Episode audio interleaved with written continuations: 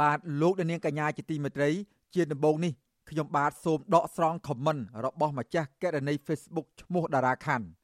គាត់បានសរសេរថាប៉ូលីសខ្មែរប្រើក្បួនខ្មែរក្រហមសម្រាប់មនុស្ស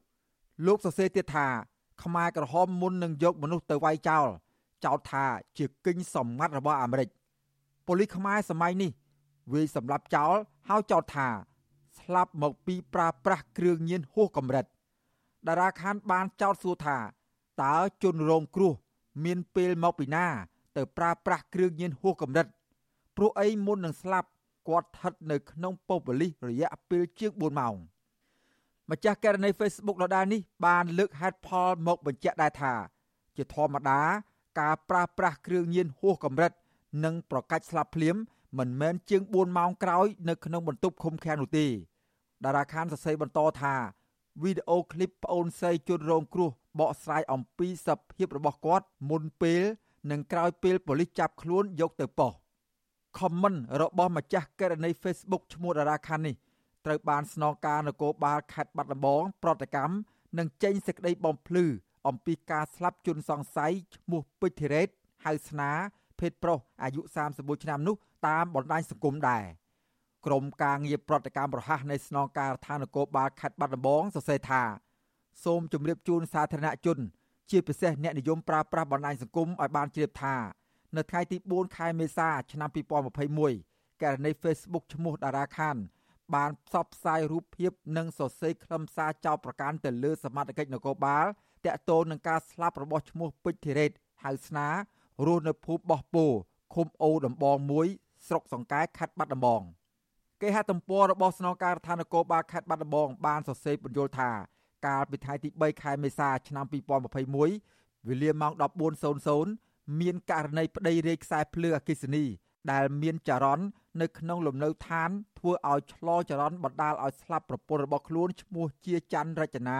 អាយុ30ឆ្នាំខណៈដែលប្រពន្ធគាត់ឡើងទៅខាងលើផ្ទះនោះក្នុងពេលកើតហេតុភ្លាមភ្លាមប្តីដែលជាជនសង្ស័យក្នុងករណីនេះ បានមកដល់ទីកន្លែងកើតហេតុហើយត្រូវបានសមត្ថកិច្ចនិងប្រជាពលរដ្ឋនៅទីនោះឃាត់ខ្លួនហើយបន្ទាប់មកបាននាំខ្លួនទៅកាន់អធិការដ្ឋាននគរបាលស្រុកសង្កែដើម្បីសាកសួរស្រាវជ្រាវ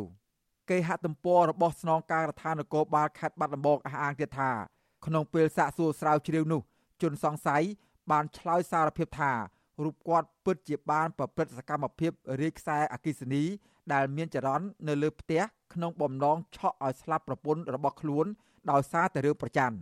ហើយក្នុងអំឡុងពេលចុងក្រោយនេះគឺរូបគាត់ត្រូវបានប្រពន្ធប្តឹងសុំលែងលះទៀតផងស្នងការដ្ឋាននគរបាលខេត្តបាត់ដំបងអះអាងដោយគ្មានសាក្សីបញ្ជាក់ទៀតថាក្រោយការសាកសួររួចសមត្ថកិច្ចនគរបាលបាននាំរូបគាត់ទៅកាន់បន្ទប់ឃាត់ខ្លួន ហើយក្នុងពេលនោះ រូបគាត់បានស្រែកឡូឡាដោយស្មារតីមិនប្រក្រតីបន្តិចក្រោយមកក៏ស្ងាត់សម្លេងឡូឡារបស់គាត់ដូច្នេះនគរបាលបានដើរទៅមើលក៏ឃើញរូបគាត់លេងនិយាយស្ដីហើយក្នុងស្ថានភាពលេះលះក្នុងខ្លួន ដោយឃើញស្ថានភាពបែបនេះសមត្ថកិច្ចនគរបាលក៏យករថយន្តបញ្ជូនគាត់ទៅសង្គ្រោះនៅមន្ទីរពេទ្យតែដោយសារស្ថានភាពធ្ងន់ធ្ងររូបគាត់បានស្លាប់នៅតាមផ្លូវបាត់ទៅហើយតែទោះយ៉ាងណាម្ចាស់ករណី Facebook ឈ្មោះម៉ាក់អាដាម ដែលទំនងជាសាច់ញាតិជនសង្ស័យដែលបានស្លាប់បានខមមិនឆ្លើយឆ្លងច្រើនជុំវិញរឿងនេះម្ចាស់ករណី Facebook នេះបានខមមិននិងផុសមកជាមួយនៅរូបភាពជនសង្ស័យដោយបង្ហាញពីស្ថានភាពមុនស្លាប់និងក្រោយស្លាប់ម្ចាស់ករណី Facebook ឈ្មោះម៉ាក់អដាមក៏បានសរសេរខមមិនទៀតថាមើលសភាពបងខ្ញុំទៅ ពេលគេចាប់ទៅគាត់នៅល្អគ្រប់យ៉ាងចុះហេតុអីពេលត្រឡប់មកវិញคล้ายទៅជាសាកសព ខ្ញុំចង់សួរទៅអ្នកច្បាប់ថាមេត្រាទីប៉ុន្មានដែលចែងថាត្រូវសម្លាប់ដើម្បីសួរចម្លើយហើយគួរឲ្យខ្ញុំជឿលើខាងកសលវិច័យដែរទេ ថាបងខ្ញុំគាត់ស្លាប់ដោយសារកាំងបេះដូងយុទ្ធធរគ្មានទេនៅកម្ពុជាសំរែកឈាមស្រស់គង់តែស្រែករោគចំណែកម្ចាស់ករណី Facebook មួយទៀតឈ្មោះលៀបសវណ្ណដែលទំនងត្រូវជាសាច់ញាតិជនសង្ស័យដែរនោះក៏បានសរសេរខមមិន ដោយដាក់រូបលើកដៃសំពះផង និងសម្រក់ទឹកភ្នែកផងថាខ្ញុំជាបងស្រីគាត់គាត់ពិតជាវេទនាណាស់មុនពេលលាចាកលោកទៅ សូមគោរពជូនដល់មន្ត្រីគ្រប់ជាន់ថ្នាក់ទាំងអស់មេត្តាជួយរកយុទ្ធធរឲ្យប្អូនខ្ញុំផង ដោយឡែកម្ចាស់ករណី Facebook ឈ្មោះកាមទេពលីហុងបានសរសេរសារចាប់អារម្មណ៍ជុំវិញរឿងនេះដែរថាគាត់មិនត្រូវបានការស្រឡាញ់ពីខាងគ្រួសារប្រពន្ធទេ បងប្អូនគេច្រើន បើតាមសម្ដីប្អូនប្រុសបង្ការរបស់គាត់ប្រាប់ថាប៉ូលីសបានហៅគាត់ទៅសួរចម្លើយជាច្រើនម៉ោង បន្ទាប់មកគេផ្ដល់ដំណឹងមកថាគាត់គាំងបេះដូងស្លាប់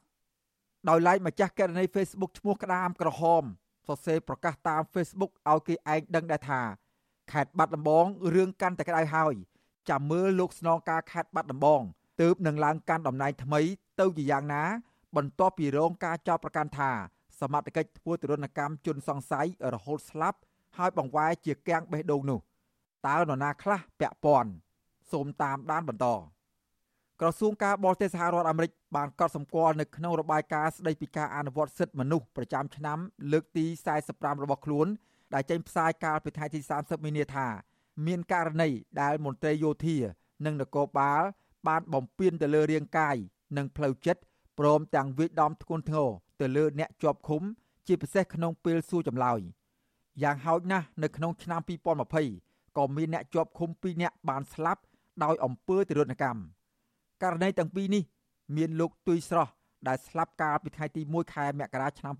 2020នៅពេលសមត្ថកិច្ចឃុំខ្លួន ដោយមានស្នាមជាំខ្មៅនៅលើដងខ្លួនសាកសពជាច្រើនកន្លែង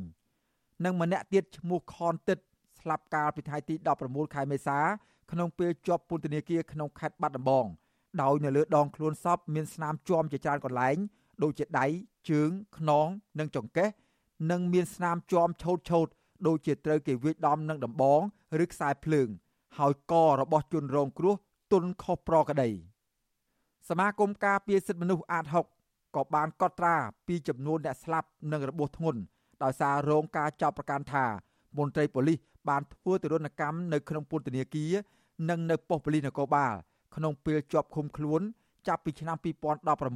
ដល់ឆ្នាំ2021ថាមានចំនួនជិត40នាក់អ្នកធ្លាប់រងអំពើទរណកម្មក្នុងពេលជាប់ឃុំ ដែលស្ទើរតែផុតជីវិតដែរនោះ គឺមានលោកវ៉ាន់ពៅជាប្រធានសមាគមឯករាជ្យនៃសេដ្ឋកិច្ចក្រៅប្រព័ន្ធហើយជនចុងក្រោយនេះមានឈ្មោះថាពេជ្រធីរ៉េតហៅស្នាអាយុ31ឆ្នាំ បានស្លាប់កាលពីថ្ងៃទី3ខែមេសាឆ្នាំ2021 នៅអធិការដ្ឋាននគរបាលស្រុកសង្កែខេត្តបាត់ដំបងខ្ញុំបាទសេកបណ្ឌិត អាស៊ីសេរីពីរដ្ឋធានី Washington